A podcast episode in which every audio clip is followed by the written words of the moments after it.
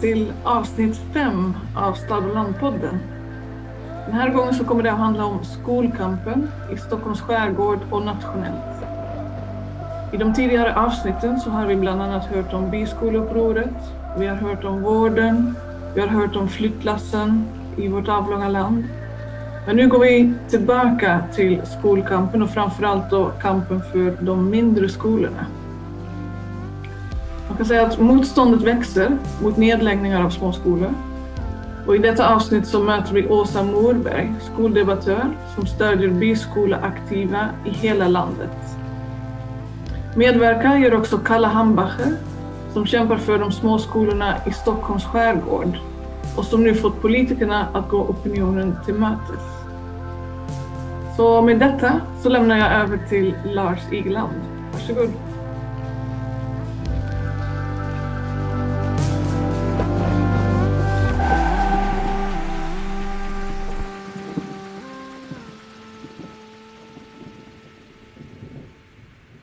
Välkommen Kalle! Tackar, tackar. Eh, berätta lite, du, du jobbar själv som, eh, har en liten butik där på Rummarö. Ja, precis. Eh, jag har en butik på Rummarö som ligger i Stockholms skärgård. En av de större öarna i Stockholms skärgård som klassas som kärnö. Eh, där vi har skola nu då från förskola ända upp till nionde klass. Ja, allt, allt som runt omkring med vårdcentral och hela, hela svängen har vi. Är du uppväxt där eller? Ja, jag, jag är uppväxt som eh, sommarbarn här ute.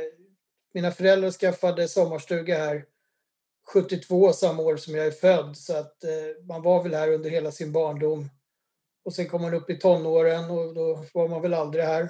Och eh, sen skaffade man egen familj och då började man leta, titta, se vad man kunde flytta ut från stan och då blev det att jag återvände hit. Hur mycket folk är det som bor på Rummarö? Ja, alltså om man räknar bofasta och folk som kanske är här fast de inte är bofasta skulle jag väl säga att eh, de året runt-boende är väl cirka 300. Kanske lite drygt. Och sen är det mycket folk på sommaren förstås? Ja, om jag förstår det rätt kan det vara ända upp till 5-6 tusen här ute på somrarna. Har det märkts någonting nu under pandemin eh, om det är fler som har, har flyttat ut och jobbat på distans och så eller? Ja, det är jättemycket. Skolan har fått några nya barn. Eh, det är väldigt mycket pensionärer som, jag ska inte kalla att de gömmer sig här ute, men de har övervintrat i sina sommarstugor där de kanske åkte till Spanien tidigare eller något liknande. Eh, så att det har varit, jag ser på försäljningssiffrorna i butiken, de har ju liksom mer än fördubblats. Ja, men berätta lite om, om eh, läget för er skola och, och, andra skolor i omgivningen där. Ja, i Stockholms skärgård eh, i Värmdö kommun så det, finns det, eller det har funnits fem stycken eh, skolor. Eh, vi är nere nu på tre på grund av att det saknas underlag för, på två av öarna. Men vi har då tre öar där vi har från förskola ända upp till nian. Och av någon anledning så har politikerna bestämt sig för att sätta några konstiga riktlinjer för antalet elever som ska gå i varje årskurs.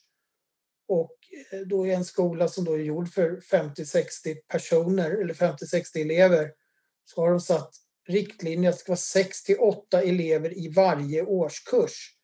Vilket då skulle rendera i närmare 100 elever i en skola som max kan ta 50. Och då stänger man årskurs 6 till 9 och flyttar alla eleverna till fastlandet på de tre skolor som återstår.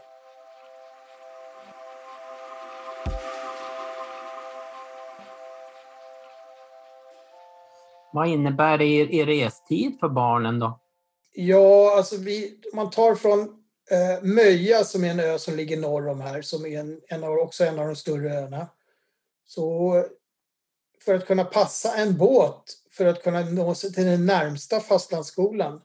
Om de ska komma till klockan åtta till den skolan så måste de gå upp i princip klockan kvart i fem eh, för att hinna med en båt som går sex. Och då kommer man till fastlandet vid sju och då kan bussen komma då till skolan vid strax innan åtta. Eh, så att det, är mängder med timmar, även om inte sträckan är så lång. Och det är likadant tillbaka, så att vi, vi klockade en av barnen här i vintras. Och det är ju, det blir 12 timmars dagar för de här stackars barnen. Är det här beslutat och genomfört eller? Ja, alltså vi har ju kämpat hårt här och haft väldigt mycket politiker på vår sida och mycket av de gamla styrande politikerna som är pensionärer nu var ju de som var med och startade alla de här skolorna som har varit på vår sida. Och då har man kringgått kommunfullmäktige genom att sätta de här riktlinjerna. Så att det finns ingen majoritet i kommunfullmäktige men det finns majoritet i utbildningsnämnden där man då har satt riktlinjer så att man de facto stänger skolorna utan att egentligen ta ett beslut om att stänga dem. Är de stängda nu då eller? Nej, alltså vi, vi ska ha ett möte med utbildningsnämnden, jag tror att det är nästa vecka, ordförande för utbildningsnämnden där, för att få reda på vad som egentligen kommer hända nu till hösten. Eh, skolorna är kvar, eh, eleverna är här, de har inte fått möjlighet att göra några skolval. Men om allt är som politikerna säger så kommer skolan inte finnas kvar till hösten när skolan ska öppna igen. Men inga elever har nu fått göra några skolval så vi vet inte riktigt vad, vad som kommer hända. Men Kalle, hur har, ni, hur har ni organiserat er i den här frågan, föräldrar och så? Ja, alltså vi en, det finns ju små föräldraföreningar på varje ö där vi har pratat sinsemellan. Men kärngruppen är ju då ett visst antal människor från varje av de här drabbade öarna. Det är då Rummarö, Möja och Svartsö Där vi är ett visst antal personer med olika bakgrund. Det finns rektorer, det finns gamla lärare, det finns jag då som är inom näringslivet. Och vi jobbar då med att kontakta de som bestämmer egentligen. Att vi på politikerna har möten, ja, ska jag säga, flera gånger i veckan med och försöker driva frågan och vi har haft ett webbinarium där vi tog fram vikten av små skolor och bemötte deras argument att ja, våra barn är socialt missanpassade, vilket det har varit deras linje. Liksom. Fungerar de här skolorna bra som du bedömer det? Ja, alltså jag har ju mina två barn i, i skolan och jag ser ju hur, hur mycket de trivs i skolan. Det är klart att det finns begränsningar med jättesmå skolor. Det är svårt med vissa ämnen. Men då har, då har det ju lösts genom åren så att de två dagar i veckan har åkt in till en större skola för att klara av de här ämnena där det kanske behövs mer specialist och kanske de ska vara fler barn och så vidare. Och det har fungerat jättebra i, ja, sen 80-talet när skolorna öppnade igen efter mycket om och men. Vad intressant, för det är ju precis det vi, vi som diskuteras på andra håll också, att att eh, kunna, det har ju öppnats möjligheter, mera möjligheter för fjärrundervisning nu att kunna ja, åka in och ha eh, en eller två dagar i veckan eh, eh vissa ämnen på en större ort och, och, få både tryggheten hemma och så sen komma in i andra sammanhang någon dag i veckan. Det är ju egentligen kanske så många kommer att jobba i framtiden också. Ja, det har, det har fungerat bra och det, barnen har tyckt att vad de säger till oss vuxna, det, de är ju liksom nöjda med att, att vara på sin ö och komma in några dagar i veckan och kanske träffa lite mer. Eh, Men det har liksom inte varit något behov. Det, det här som politikerna hela kör, kör som ett mantra med oss är att, det här, eh, att våra barn är socialt missanpassade för att de har så få kontakter med jämnåriga. Eh, men man har en skola då med 35 elever som jag tror Rundmarö skola har från åldern då, ja, från 6 års ålder upp till 15 års ålder. Eh, och ungarna tar ju hand om varandra. Det blir liksom inga sociala missfall av det där.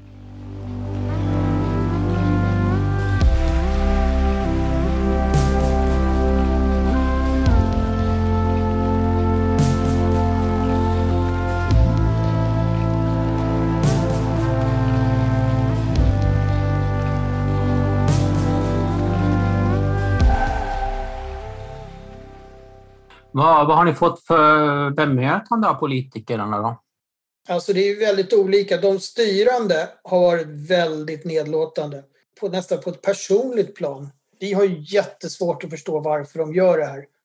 Vi har försökt få någon form av förklaring vad det här liksom, vad det bottnar i. För att det är nämligen dyrare att flytta våra barn med skolskjuts in till fastlandet med alltså astronomiska summor i skolresor för det Vi pratar om, ligger isar så ska det, barn ska köras med svävare och det kostar 5-6 tusen i enkel riktning per dag. Det, det, det, kommer bli fruktansvärt dyrt. Och ingen riktigt begriper vad, vad det handlar om. För att det är ingen som... Barn som vill gå på fastlandet idag kan gå där idag. De är, det är bara att söka och det finns ju barn som bor här ute som faktiskt går på fastlandet också. Men vi, vi har ju försökt få politikerna att förklara vad det här handlar om, men får inga svar. Det var därför vi ordnade bland annat det här webbinariet för att vi liksom bevisa för dem att eh, då hade vi forskare med och, som talade om vikten av små skolor och vad som kan vara dåligt och vad som kan vara bra för att bemöta alla argumenten. Men vi får, vi får bara nya argument hela tiden från politikerna. Så vi sitter lite i en fälla, precis. Mm, vi känner igen det från andra håll också.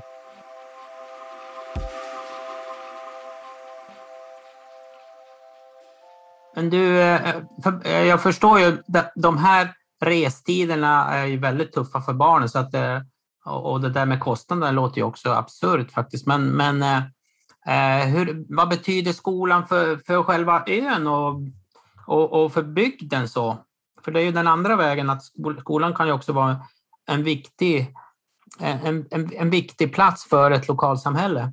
Ja, alltså för oss är ju skolan eh, ett sätt att förnya befolkningen på ön.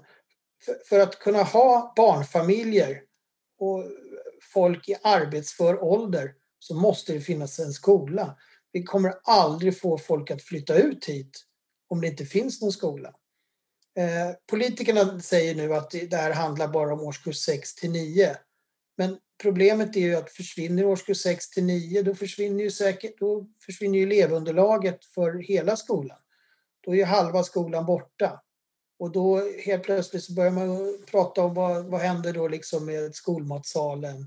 Vad händer med idrotten? Vad händer med musiklärare och så vidare? Och, men för, för hela ön är det ju barnfamiljerna och människor i arbetsför ålder som då inte kan bo här ute. Utan då blir det pensionärer som bor här. Och då, det, det, hela bygden dör ju. Vi är liksom väldigt nära liksom innerstan. Så att vi är ju ja, vi, vi är bara 45 minuter med, eh, in till centrala Stockholm. Men ändå så blir vi behandlade som vi är långt, långt borta. Har ni, jobbar ni för en folkomröstning eller? Ja, vi har till och med fått till en folkomröstning. Vi tillsammans med eh, de, de har gett sig på skolor av annan anledning inne på, på fastlandet. Och tillsammans med den organisationen så fick vi till en folkomröstning. Så det kommer hållas en folkomröstning i början av september. Eh, men politikerna har ju bestämt sig för att de ska genomföra skolnedläggningarna innan folkomröstningen och har då liksom stressat på det. Så folkomröstningen hålls i början av september. Skolorna läggs ner i, ja, när skolorna börjar då i mitten av augusti. Hur är frågeställningen satt i, i folkomröstningen? Då? Ja, alltså frågeställningen är väl, det var väl kanske inte så lyckat när man gjorde det här från början om jag förstår saken rätt. Utan det, är, lite, det är väl att frågeställningen är satt att man får inte lägga ner skolor utan att göra ordentliga konsekvensanalyser. För att självklart ska de ju kunna få lägga ner skolor om de inte är om, om det inte fungerar. Men här lägger man egentligen bara ner för att lägga ner utan att någon egentligen förstår varför. Konsekvensanalyserna är så bristfälliga så att de är skrattretande. Men ni kommer ändå mobilisera då nu under sommaren inför den här folkomröstningen. Den kommer ändå ha en viss symboliskt värde då gissar jag. Ja, nu har vi fått reda, fått reda bakvägen i princip att de kommer strunta i resultatet vad det än blir. Men då blir det extra viktigt att se till att så många som möjligt röstar. Så att vi får en stark röst. För att det är trots allt bara ett år kvar till, näst, till liksom det riktiga kommunalvalet.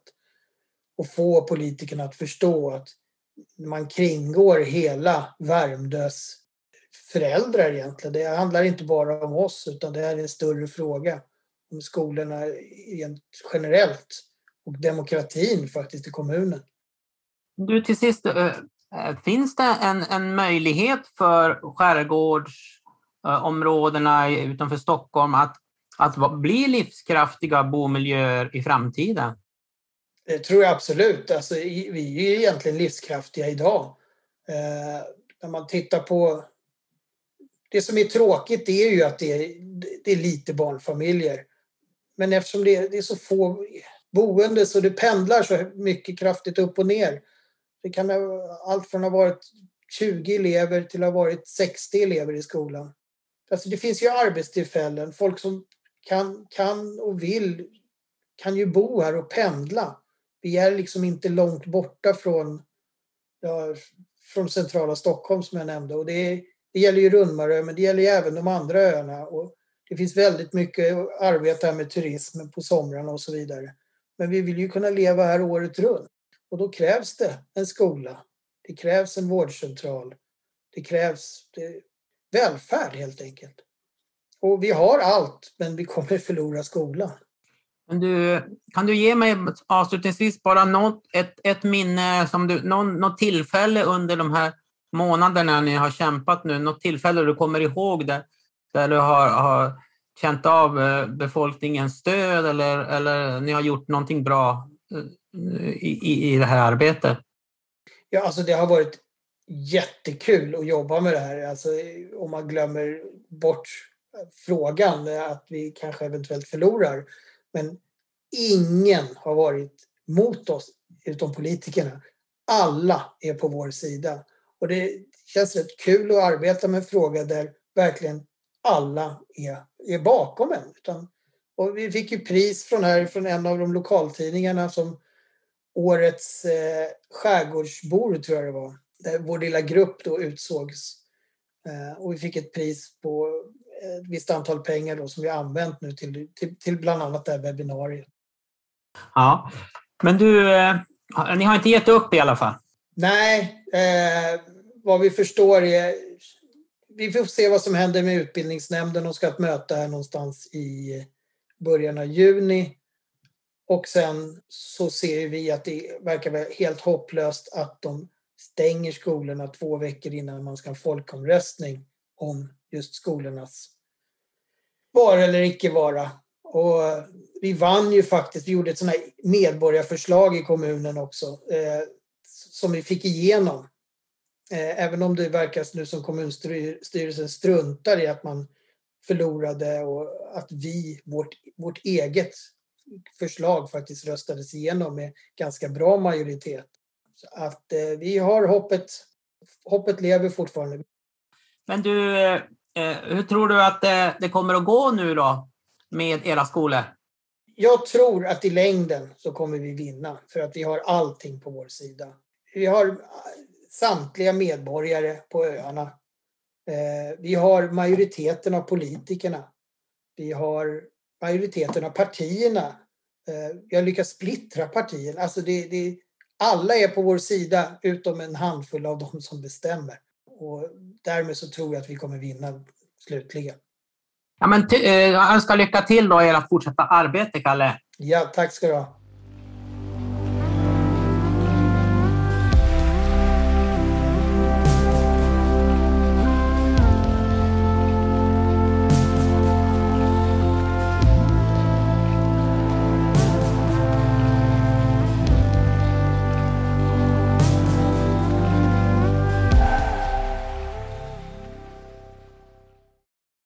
Nu så har vi kontakt med Åsa Morberg. Och du har ju eh, forskat på skolfrågor länge och sen har du också engagerat dig till stöd för människor runt om i landet som kämpar för sina skolor. Varför har du engagerat dig i den här frågan, Åsa?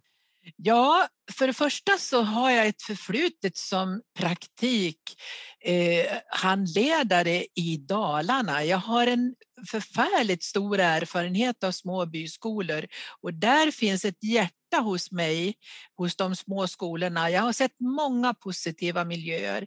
Men sen också så har jag granskat en utredning här i Sandvikens kommun, en skolutredning som kom eh, 2019 och den skrämde mig faktiskt så tillvida att där tänkte man starta tre mastodontskolor och jag tittade på alla referenser, det tog en förfärlig tid, men jag kom till ett annat resultat. Jag såg ingen självklarhet i att man skulle bygga de här, de här tre mastodontskolorna då med hänvisning till forskning. Där började mitt intresse. Och jag tror sedan dess att jag har tittat på över 20 utredningar från kommuner om skolnedläggelse. Mm. Har du sett några gemensamma mönster på de här olika utredningarna du har tittat på? Ja, det har jag gjort. För det första så har jag tittat på kompetensen. Vem har gjort utredningen? Och då kan jag säga att det är inte personer med gedigen skolerfarenhet och det kan jag tycka att man skulle kunna kräva. Sen är det så att utredningarna är inte förutsättningslöst gjorda eh, det finns en bakomliggande tanke och det är oftast ekonomi. Det här är alltså en ekonomisk fråga. Man tror att det blir billigare om vi lägger ner de små skolorna och bygger stora. Säg några platser som du har, som du har orter som du har samarbetat med. Ja, för det första då så Sandviken kan jag väl inte säga att jag har samarbetat med, men jag har i alla fall framfört kritiska synpunkter. Det, det, det är ju kanske det noggrannaste jag har gjort då. Jag höll ju på en hel sommar här med att titta på referenser, men sedan har jag tittat på Filipstad. De har jag haft väldigt mycket samarbete med. Med Laholm, med Värnamo. Eh, det är jätte jättemånga orter. Lite svårt att räkna upp dem så här, men eh, det här är de jag kommer på först. Eh, vad har du kommit till som för slutsats när du har tittat på de här olika studierna? Då? Ja, för det första så, så Eh, jag har, som forskare då så har jag blivit väldigt, väldigt fundersam över hur man använder forskning. Därför att man försöker alltså bevisa att de små skolorna är sämre än de stora. Och så är det inte. Alltså storleken kan aldrig ensam avgöra någon kvalitet. Sedan så eh, är det också eh, den ekonomiska sidan då. Alltså man påstår ju att de små skolorna blir så väldigt mycket dyrare. Det håller inte jag med om. Eh, det beror på hur man räknar och jag menar jag har ju också då eh, fört fram tankar att man kan ju istället investera i skolmiljöerna och göra dem till bycentra och använda dem på andra sätt också så att de inte står tomma. Spännande, spännande när du, nu blir jag nyfiken, vad du menar med en bycentra? Va? Kan du utveckla det lite? Ja, ja, det kan jag göra. Alltså för det första så det här med skolan mitt i byn, det är ju ett gammalt uttryck då. Men man kan verkligen sätta skolan mitt i byn och man kan använda skolan på så många olika sätt. Om man tittar på små byar så finns det ofta ingen möjlighet för seniorer, pensionärer, att skaffa sig ett, ett eh, lagat mål mat.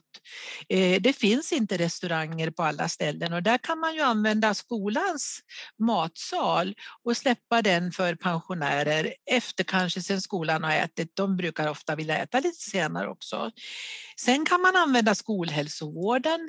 Många pensionärer får åka långa eh, resor för att ta ett blodtryck. Där kan man använda skolhälsovården och det går ju då att klira naturligtvis ekonomin mellan de olika enheterna. Biblioteket på skolan. Nu har vi fått en utredning här om skolbibliotek och det är viktigt att det finns skolbibliotek och de kan också vara folkbibliotek naturligtvis. Där finns också möjligheter. Det är bra för barn att det är vuxna på skolan och här finns det ju, uh, saker som man kan, man kan använda skolan på så många olika sätt. Alltså lokaler till exempel för studiecirklar och för sammankomster och det går alldeles utmärkt. Förr i tiden när vi hade bänkar och barnen förvarade eh, sina saker i bänkarna, då kanske det inte var så lämpligt. Men idag har vi andra förvaringsmöjligheter. Det här är ju en utvecklingsmöjlighet tycker jag och väldigt viktigt att kunna använda skolorna på ett annat sätt. Mm, jätteintressant Åsa. Eh, jag vet, du har jobbat internationellt också och nu har du tittat lite också på det här med skolstorlek i olika länder och hur, man, hur utvecklingen är i olika länder när det gäller byskolor då får jag väl säga så här då att eh, jag har varit president för en forsknings och utbildningsorganisation i Bryssel. Och alltså mina källor här, det är genom alltså EU-kommissionen och den här organisationen som heter Association Teacher European Educators. Och det är kontakter i den som jag drar mina slutsatser på då. Sen sitter jag i en världsstyrelse också, en, en eh, global styrelse som är säte i USA och det gör att jag har också hygglig, eh, hyggligt ja, information om vad som händer i Amerika. Vi har ju varit väldigt influerade av Amerika och det borde vi kanske vara nu också, för de lägger inte ner några små skolor längre. De gjorde det och byggde upp stora skolor. Men den trenden, nu finns det ju många stater och många miljöer som inte jag har koll på, men trenden är i alla fall att man bevarar de mindre skolorna. Och det finns inte motsvarande nedläggningshysteri skulle jag vilja säga i Europa heller. Och det som är spännande och det som jag håller på att försöka titta lite på det är att man i Tyskland då plockar upp de skolor som man la ner för mellan 20 och 30 år sedan. Och det tycker jag är jättespännande.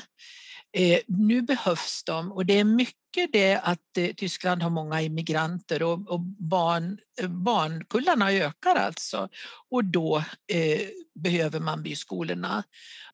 Du Åsa, jag vet att du genom byskoleupproret och det här också har tyckt att, att eh, man, rikspolitikerna borde ta tag i det här och du har försökt få kontakt med regering och riksdag i de här frågorna. Hur, hur, hur har det gått egentligen?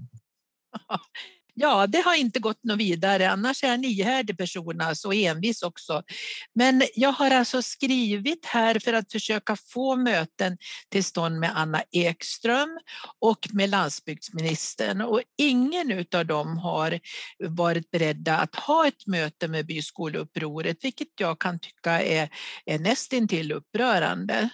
Sedan har jag också då skrivit till eh, vår statsminister och undrat över vem det är som har ansvar för byskolorna.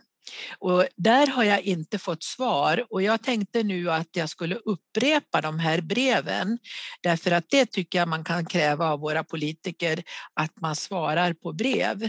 Så det, det blir mitt nästa steg här. Men vi har haft möte med politiker. Det finns politiker som har vaknat och det är bland annat Centern.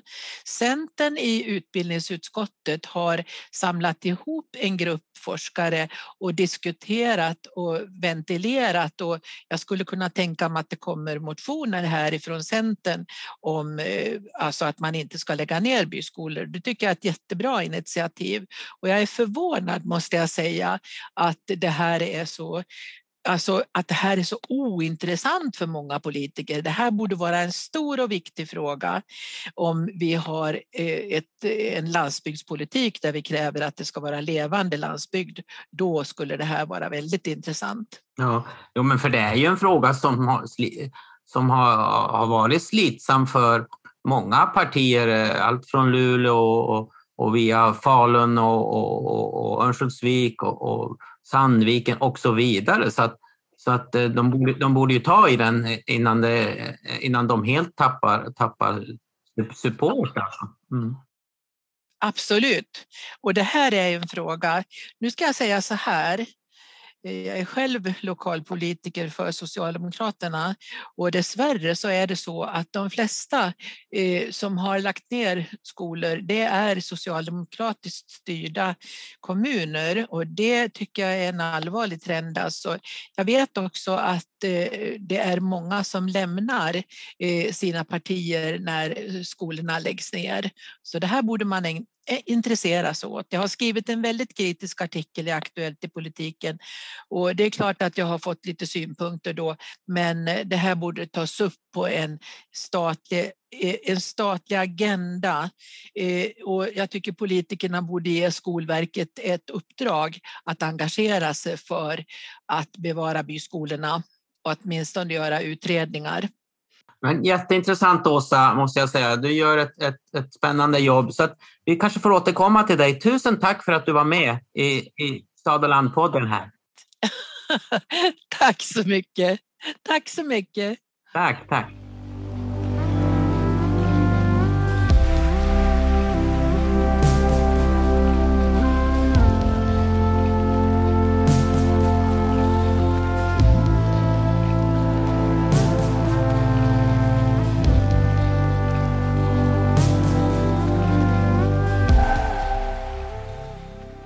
Intervjun med Kalle gjordes i början av juni och nu kan vi, precis innan eh, Stad och landpodden eh, läggs ut, så kan vi komplettera med ett glädjande besked.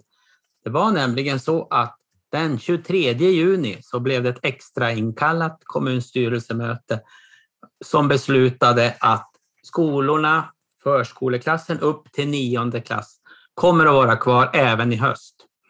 Så att eh, de som har kämpat för skärgårdsskolorna har i alla fall vunnit en, en delseger. Eh, och det är ju väldigt roligt att, att, veta. Med det så är det slut för Stad och landpodden för den här gången. Och nästa avsnitt det kommer att handla om naturresurserna. Vattenkraften, vindkraften. Hur ska mer av vinsterna kunna stanna i bygderna där den här kraften produceras och bidra till utveckling där och inte bara försvinna någonstans långt borta. Så välkommen tillbaka till Stad och landpodden.